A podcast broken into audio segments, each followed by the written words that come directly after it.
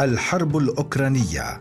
إعادة نبوءات صامويل هانتن جيتون إلى الصدارة.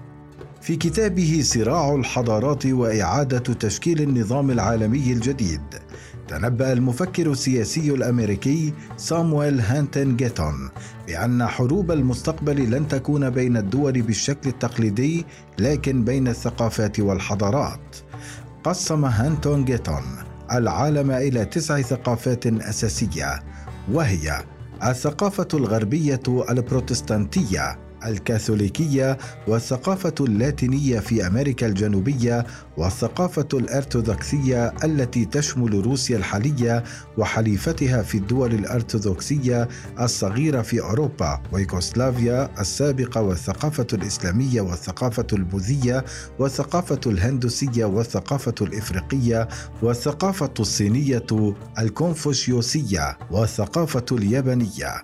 يرى هانتون جيتون أن الاعتقاد السائد في الغرب بالعالمية القيم الغريبة وأنظمته السياسية واعتقاد سطحي وساذج وأن الإصرار المستمر على فرض التحول الديمقراطي لن يؤدي إلى زيادة العداء مع الحضارات الأخرى. في الوقت الذي رسم فيه البعض عالما يوتيوبيا تتعاون فيه الحضارات بلا صدام رسم آخرون عالما ديستوبيا تقف فيه الحضارات على خطوط النيران والدماء في صدام لا ينتهي ولكن تبدو الحقيقة وسطا بين هذين المتطرفين. فالعالم في حالة تفاعل يأخذ شكل الصراع أحيانا ويأخذ شكل التعاون أحيانا أخرى وتغلب فيه لغة المصالحة أغلب الأحيان. لكن يبقى مفهوم المصلحة في حد ذاته مفهوما متغيرا غير ثابت. باختلاف الزمان والمكان ورؤية الأطراف لذواتهم بل يحدد رؤيتهم لخريطة الصداقة والعداء فما يعتبره البعض مصدر تهديد اليوم. يمكن أن يراه بطريقة مختلفة غدا. وفقا لهانتين جوتن الثقافة وحالة الحضارة السائدة هي التي تحدد ما هي المصلحة القومية فكل بيد ينظر إلى مصلحته وفقا لثقافته السياسية وانتمائه الحضاري. تظهر أوكرانيا كمثل تفسيري فانتماؤها إلى المحيط الروسي في عهد الرئيس الأسبق فيكتور يانكوفيتش.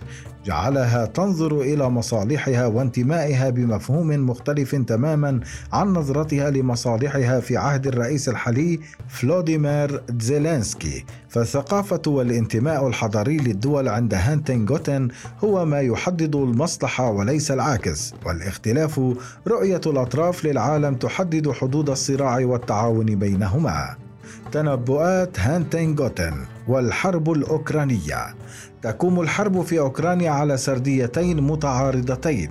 السردية الروسية التي تذهب إلى أن الغرب يهدد وجود الروس وثقافتهم السياسية والمجتمعية لذا يجب أن يقاوم تمدده. والسردية الغربية التي ترى أن روسيا تهدد الديمقراطيات وتريد أن تبتلعها وتهزمها ولن تقف على حدود أوكرانيا ولذلك يجب مقاومة توسعها. كل طرف يرى في الآخر تهديدا ثقافيا وجوديا يجب مواجهته حتى لو بالدم والنار والتجويع. ظهرت هاتان السرديتان كحدود ثقافية بين الأطراف المتداخلة في الصراع سواء بطريقة مباشرة أو غير مباشرة. ففي حين تكتل الغرب ككتلة واحدة خلف سرديته للحرب. لم تقنع هذه السردية الكثيرين خارج الغرب والدول التي يضمن أمنها بشكل مباشر مثل كوريا الجنوبية واليابان وتايوان. فقد فشل الغرب في إقناع الهند بها أو استمالة الصين إليها. كما عجز عن نشر روايته في الحرب في الشرق الأوسط الذي تتنازعه تيارات إما معادية للرؤية الغربية التي تقودها الولايات المتحدة أو تشكك في جدية واشنطن في ضمان أمنها كما حال الدول الخليجية. كذلك لم تجد الرواية الغربية أي نجاح حتى في تركيا نفسها العضو غير الغربي في الناتو. لماذا فشلت رواية الغرب خارج حدوده؟ ظهرت الرواية الغربية الغربية للحرب كرواية تعيد إنتاج تاريخ الغرب باعتباره الدراما المركزية في تاريخ البشرية. كما قال هانتن جوتن نفسه ظهر فيها تضخم في الذات الحضارية واحتقار مبطن للآخر تبدو من خلالها مرة أخرى نفس أسطورة فوقية الرجل الأبيض الذي يعتبر موته الحدث الأكثر كارثية في العالم مقارنة بأحداث أقل أهمية عن موت الآخرين. هكذا حفلت وسائل الإعلام الغربية بخطابات التفوق الأبيض وكارثية موت الأوروبي المسيحي ذي العيون الزرقاء والشعر الأشقر والذي هو بطبيعة الحال أرقى من الآخرين غير المتعلمين القادمين من وراء البحر حيث تنتشر الثقافات الأدنى بعبارات أكثر وضوحا. هؤلاء الأشخاص أذكياء. إنهم أناس متعلمون.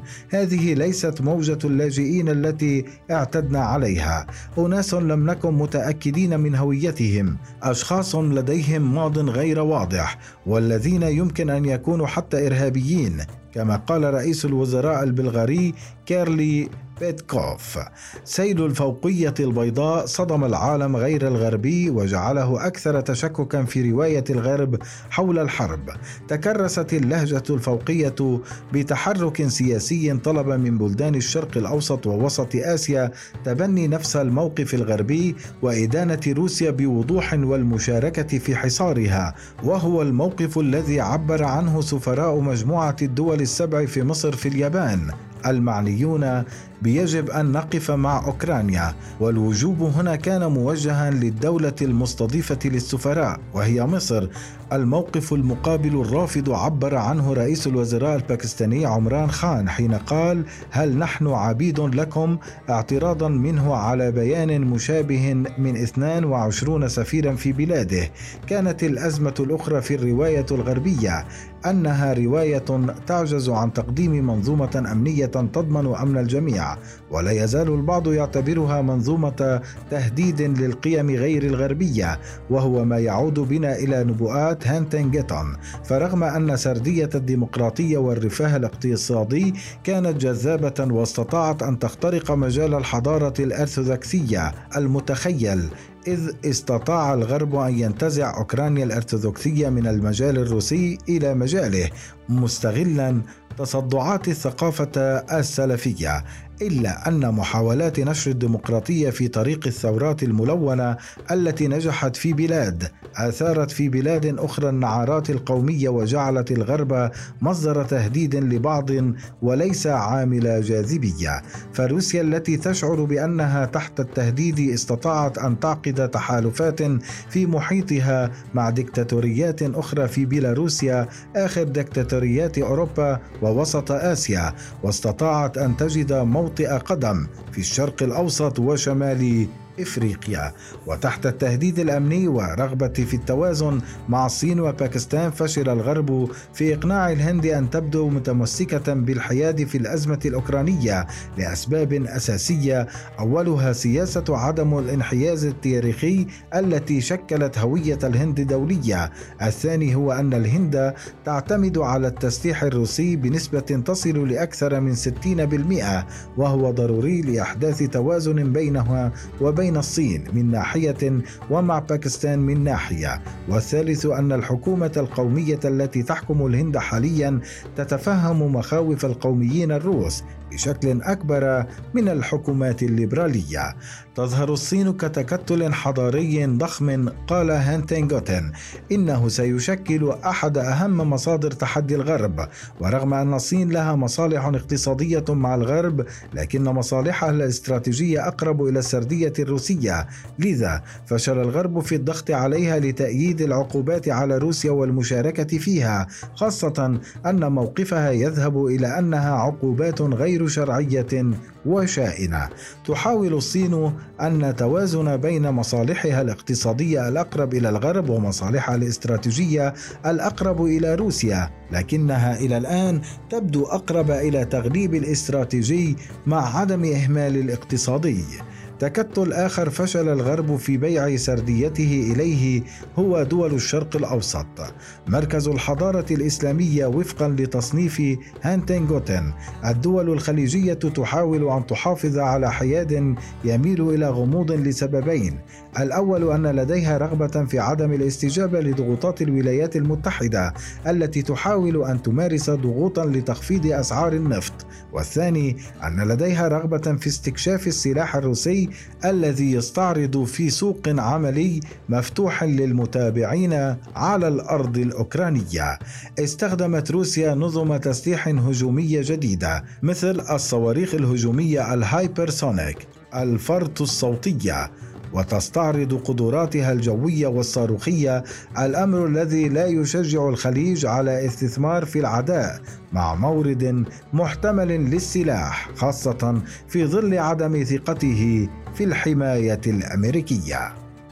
الخلاصة رسمت الحرب الأوكرانية حدود الاشتباك. ظهرت أقرب إلى نبوءات عالم السياسة الأمريكي الراحل صامويل هانتنغوتن ظهرت الرواية الغربية المركزية إما ضد الآخر. أو متعالية عليه أو متجاهلة لوجوده لدرجة جعلت رئيس أوكرانيا يوجه خطابا مغرقا في الرواية المركزية الغربية المعادية أو المتجاهلة لأي آخر. فقد وجه زيلينسكي خطابه للكنيسة الإسرائيلي قائلا نحن في بلدين مختلفين وفي ظروف مختلفة تماما لكن تهديدا هو نفسه.